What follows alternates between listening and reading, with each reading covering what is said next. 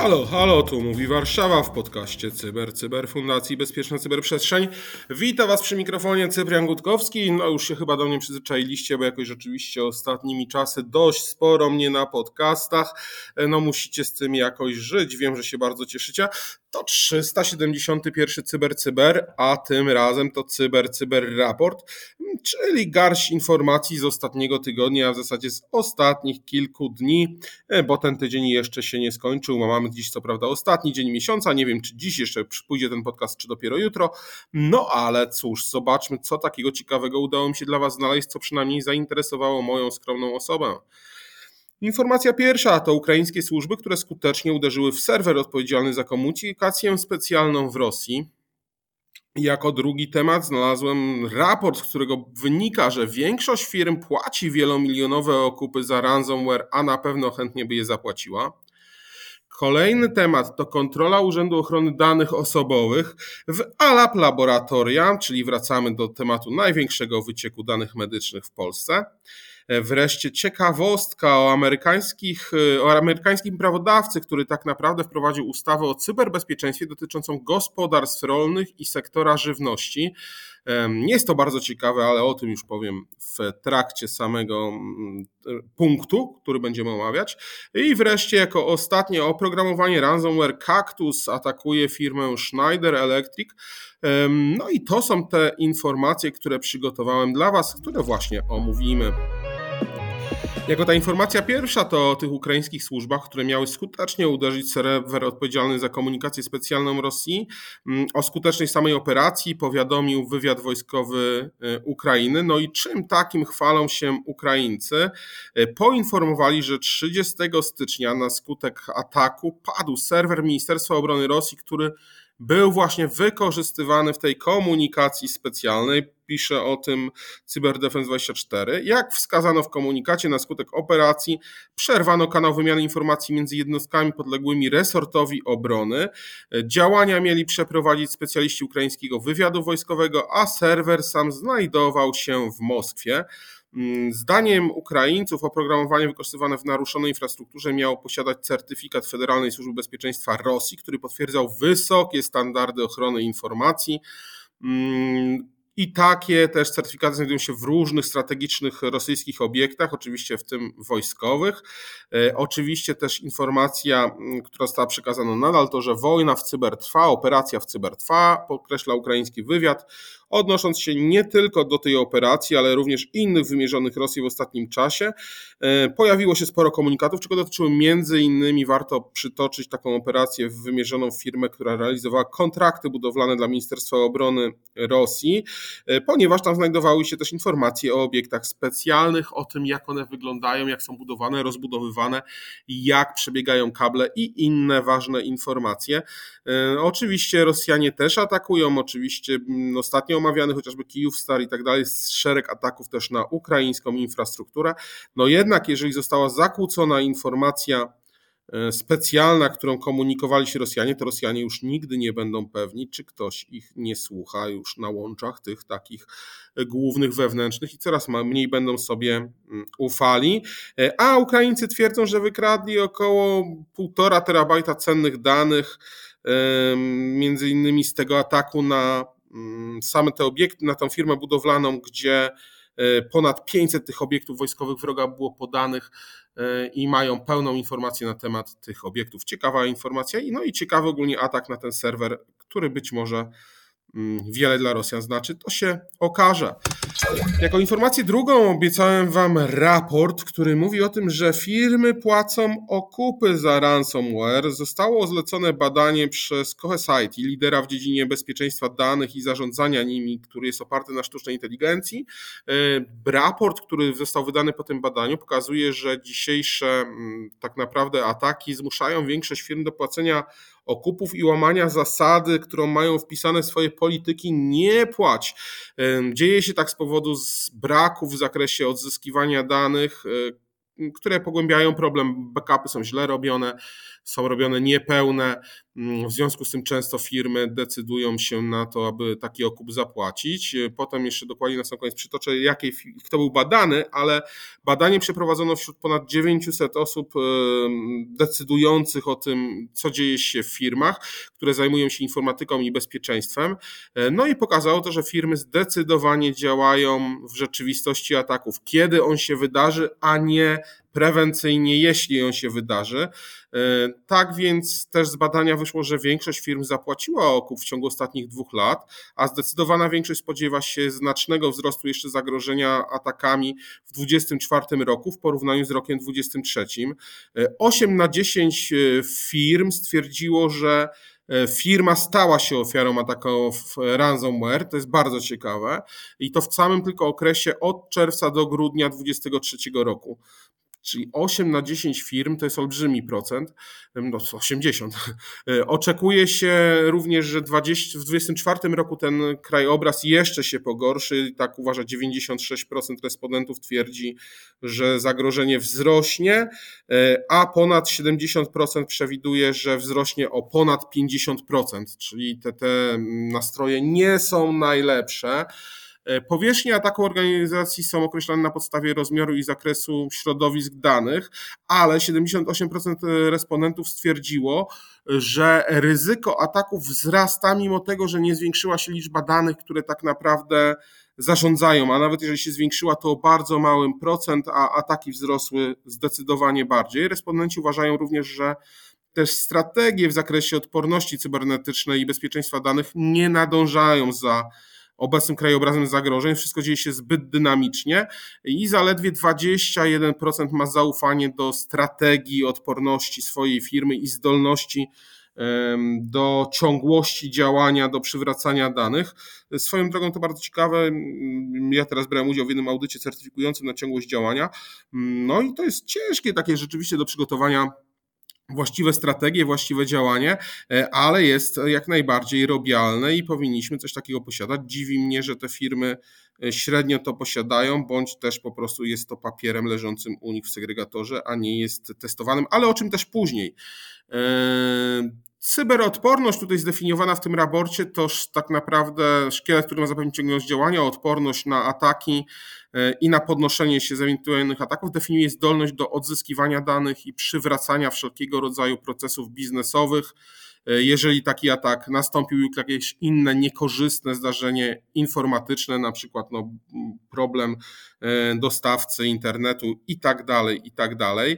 Wszyscy stwierdzili, że na odzyskanie danych i przywrócenie procesów biznesowych potrzebują ponad 24 godziny dużo, prawda? Mm, tak na dobrą sprawę, bo wszystkich, no nie wydaje mi się. Niektóre, y, jeżeli pewnie zależy to od wielkości organizacji, y, ale wydaje mi się, że jeżeli mamy właściwie wszystko zrobione, to potrzeba trochę mniej czasu.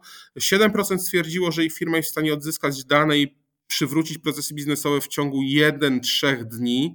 E, czyli ponad te 24 godziny to mm, do 3 dni to zaledwie tylko 7%, 35% stwierdziło, że może uzyskać w ciągu tygodnia, a 34%, że potrzebuje od jednego do dwóch tygodni. Natomiast na prawie 25%, bo 23% potrzebuje ponad 3 tygodni e, na odzyskanie danych i przywrócenie swoich procesów biznesowych. 12% e, zaledwie stwierdziło, że firma przeprowadziła testy tak naprawdę swoich e, procesów, rozwiązań w zakresie bezpieczeństwa danych, zarządzania danymi i odzyskiwania tych danych w ciągu 6 miesięcy od udziału w tej ankiecie, no a 46% stwierdziło, że nie testowało w ogóle swoich procesów od ponad roku y, i gdzieś mają to po prostu leżące właśnie w tych segregatorach wcale nieadekwatne do obecnej sytuacji w firmie, no chyba, że rzeczywiście jest tak dobra polityka i że wszystko tam działa, że nie jest to konieczne, przynajmniej tak się wydaje i jakimś cudem wszystko działa sprawnie. 94% respondentów stwierdziło, że ich firma zapłaciłaby okup za odzyskanie danych i przywrócenie procesów biznesowych, a 5% do, czyli tak naprawdę 99 też to zaakceptowało, bo te 5% stwierdziło, że zależy od kwoty okupu, że nie wiedzą, czy by zapłacili, że to jest zależne, jeżeli to byłaby niska kwota, to mogliby zapłacić. 94 powiedziało, że ogólnie tak, ogólnie płacą. 67% stwierdziło, że firma może zapłacić ponad 3 miliony dolarów za odzyskanie danych i przywrócenie procesów biznesowych. Hakerzy, którzy nas słuchają, no nie bierzcie tego w Polsce. W Polsce nie jesteśmy w stanie zapłacić, o czym na przykład też jest ALAP, którym będziemy mówili przy następnym case'ie, a 35% respondentów stwierdziło, że firma skłonna by była zapłacić nawet 5 milionów dolarów. E, badanie pokazało, że właśnie 9 mm, na 10 stwierdza, że organizacja zapłaciła okup w ciągu ubiegłych dwóch lat, mimo że 84% stwierdziło, że firma posiada politykę nie płacimy, nie prowadzimy rozmów e, z przestępcami, no to jak się okazuje, powtarzam, 90% to stwierdziło, a e, te 84 stwierdziło, że posiada politykę nie płać, a 90% stwierdziło, że by zapłaciło mimo to, czy że posiadają politykę, czy ogólnie w wyniku ataku. Również wskazano, że nie najlepiej prowadzą się kontakty CISO i CEO w organizacjach, to 67% mówi, że, że mogliby lepiej współpracować. Y, oczywiście mm, priorytetowo traktują swoje obawy jako takie największe, to mm, utratę dla e, marki, dla brandu firmy, reputacji 34%, spadek cen akcji, rentowność 31%, sam wpływ na przychody, że zostanie ograniczony 30%, utratę zaufania interesariuszy 30%. Na pytanie, kto jest najbardziej dotknięty naruszeniem danych lub e, atakiem, odpowiedzieli, że klienci 29%, zespół bezpieczeństwa 29%, zespół IT 28%, pracownicy 28%, a partnerzy zewnętrzni 27%. E, jednocześnie stwierdzili też, że przepisy nie wpływają e, na najlepsze praktyki firm w zakresie odporności i bezpieczeństwa danych, z czym ja się jednak nie zgodzę, bo jak patrzę na to, jak niektóre firmy wdrażają wymogi chociażby ustawy o Krajowym Systemie Cyberbezpieczeństwa. Większość z operatorów usług kluczowych była już w jakiś sposób y, przygotowana na to, żeby spełnić tę rolę, e, ale teraz nawet jak patrzę na pewne organizacje, które wdrażają NISA dwójka już, mimo tego, że nie ma tych przepisów mm, krajowych jeszcze, które powodują to, że będziemy wiedzieli, jak ona będzie dokładnie wyglądać, e, no to uważam, że zdecydowanie podnoszą swoją bezpiecz swoje bezpieczeństwo i bez ustawy, bez przepisu prawnego nie nastąpiłoby poprawa tego bezpieczeństwa. Oczywiście narażam się teraz wszelkim wolnościowcom, którzy stwierdzą, że to rynek powinien weryfikować. No być może, e, ale ja bym chciał jednak, żeby moje dane, zwłaszcza w administracji publicznej, były chronione w sposób właściwy i taka ustawa uważam, że jest e, konieczna. Mm, jednocześnie 46% stwierdziło, że to ustawodawstwo, regulacje e, w rzeczywistości napędzają to bezpieczeństwo, ale jest ono nieskuteczne, co przed chwilą ja udowadniałem, że e, uważam inaczej. No, to, to, to tyle wynika z tego raportu. Więcej szczegółowych informacji znajdziecie oczywiście w linkach pod naszym podcastem. Ja tylko informację o samej ankiecie, kto tak naprawdę brał w niej udział. To było 902 decydentów w zakresie IT i bezpieczeństwa e, i znajdowali się oni, w, pochodzili z Australii, Wielkiej Brytanii, Stanów Zjednoczonych. E, jako takie najbardziej reprezentujące branże, w której działa ich firma, to wskazano IT, telekomunikacja, finanse, opieka zdrowotna, HR, E, i usługi użyteczności e, publicznej, więc to jeżeli chodzi o mm, ten raport na temat płacenia okupów i ogólnie sytuacji w firmach za granicą. No a teraz zostaje nam ciekawostka, bo e, ciekawostka o ALAP Laboratoria, czyli też o niepłaceniu okupu. ALAP nie zapłacił okupu. To oczywiście jak do tej pory jest największy krajowy wyciek danych pojawiło się 55 tysięcy wyników badań, ale jak sama spółka mówi, nawet 200 tysięcy pacjentów mogło ucierpieć. Obecnie odbywa się tam kontrola Urzędu Ochrony Danych Osobowych. Do tego ataku doszło w listopadzie, informowaliśmy mm, o nim, natomiast teraz jeszcze takie krótkie mm, śledzenie tego, co się dzieje. W chwili obecnej sprawą zajął się Rzecznik Praw Pacjenta, Urząd Ochrony Danych Osobowych. E, trwa analiza dowodów zebranych przez przez kontrolerów urzędów w Alabie. Jeżeli zostaną we właściwy sposób zinterpretowane, wtedy będzie decyzja E, o to, co może się zdać, co może się zdarzyć, czy Alab zapłaci karę, czy też nie. Przypomnijmy, że te dane medyczne to właśnie dane wrażliwe, które są gromadzone i przychowywane e, przez laboratoria. Wiele mówią o klientach, mogą być narażone na dużo. Na razie wiemy tyle, że do 31 stycznia Alap miał zapłacić okup. Jeżeli tego okupu nie zapłaci, to ukaże się wszystko w darknecie.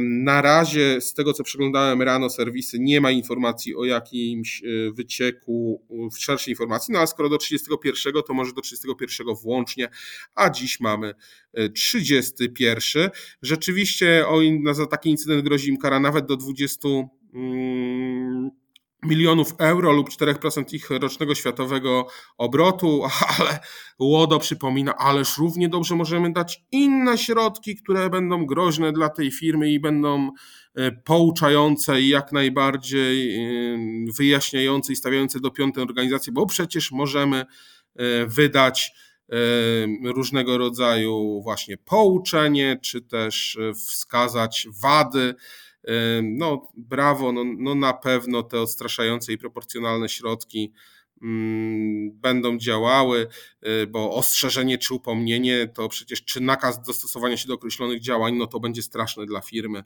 Mm, ja jakbym dostał upomnienie, bardzo bym się zasmucił i przez tydzień nie wychodził z pokoju.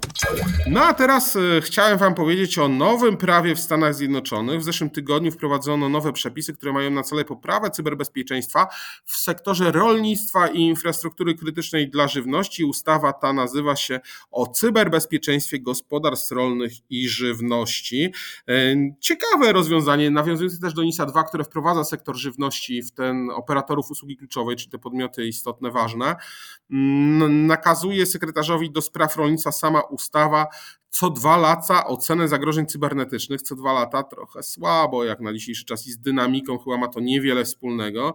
Te, zagrożenia, te zagrożenia cyber mają być e, przedstawiane, e, mają być do nich dopisywane również zalecenia, które dotyczyć mają poprawy bezpieczeństwa i odporności, mają być identyfikowane również najważniejsze luki, bo ocena powinna obejmować charakter i zasięg ataków wymierzonych w sektor rolny i spożywczy, potencjalny wpływ na bezpieczeństwo, ochronę i dostępność produktów spożywczych, gotowość rządu i sektora prywatnego do zapobiegania takim atakom i reagowania na nie, polityki mające na celu poprawę obrony poprawę obrony oraz luk, wyzwania i możliwości e, poprawy bezpieczeństwa. Mm, Minister rolnictwa powinien złożyć raport y, różnym komisjom Izby Reprezentantów i Senatu i szczegółowo opisać każde z przeprowadzonych badań w sektorze. Y, również wprowadza też obowiązek na sekretarza rolnictwa ustawa przeprowadzenia co roku przez okres pięciu lat międzysektorowej symulacji kryzysu, która obejmuje ataki cyber i zakłócenia związane z żywnością, czyli szereg ćwiczeń, szereg ćwiczeń i tu chciałbym tego dożyć u nas. Y, no, pożyjemy, zobaczymy. Mm, jak to będzie też z NIS-em dwójką? Na razie w Stanach Zjednoczonych taka mm, ustawa przekazuję to jako ciekawostkę. I wreszcie ostatni temat, y, który mamy na dziś, bo to już prawie 20 minut podcastu, atak na Schneider Electric i Schneider Electric padł ofiarą cyberataku na jej dział do spraw zrównoważonego rozwoju, e, a dotychczasowe raporty przypisują ten atak grupie, która posługuje się oprogramowaniem ransomware o nazwie Cactus. Czym jest Schneider Electric? Części nie muszę mówić, bo to światowy lider w produkcji przemysłowej, zarówno sprzętu do automatyki przemysłowej i różnego rodzaju systemów sterowania, automatyki budynków, e, związanych z energią, no i nie tylko. Według komunikatu prasowego tego giganta e, szkody ograniczyły się jedynie do właśnie tego działu zrównoważonego rozwoju, który dostarcza oprogramowanie i usługi konsultingowe dla przedsiębiorstw ale nie dotyczy żadnych systemów krytycznych bezpieczeństwa. E, według Blipik Computer, za którym podaję tę informację, do ataku przyznał się właśnie gang zajmujący się oprogramowaniem ransomware Cactus. Jest to młoda, ale e, bardzo aktywna grupa. Schneider Electric sam ujawnił, że mm, nie ma zagrożenia, bo tak naprawdę atak jest tylko ograniczony do platformy operacji związanych z działem zrównoważonego rozwoju, a jest to całkowicie autonomiczny podmiot obsługujący swoją izolowaną infrastrukturę sieciową. No i do dziś wszystko miało zostać e, naprawione, powinno działać. Do 31 stycznia firma zakładała, e, że całkowicie się podniesie i naprawi ten, ten atak.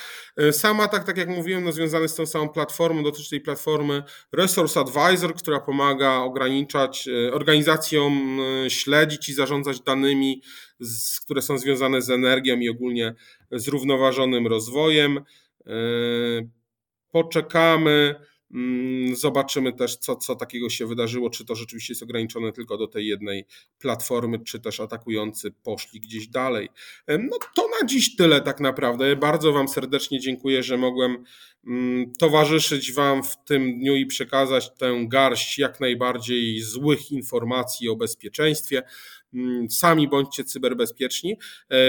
Wszystkie informacje szerzej opisane są oczywiście w linkach, które mamy pod podcastem. Życzę Wam spokojnej, bezpiecznego roku, tak naprawdę po tym pierwszym miesiącu stycznia, cały rok przed nami, więc jeszcze tego wszystkiego życzę. Do usłyszenia, cześć, bądźcie cyberbezpieczni.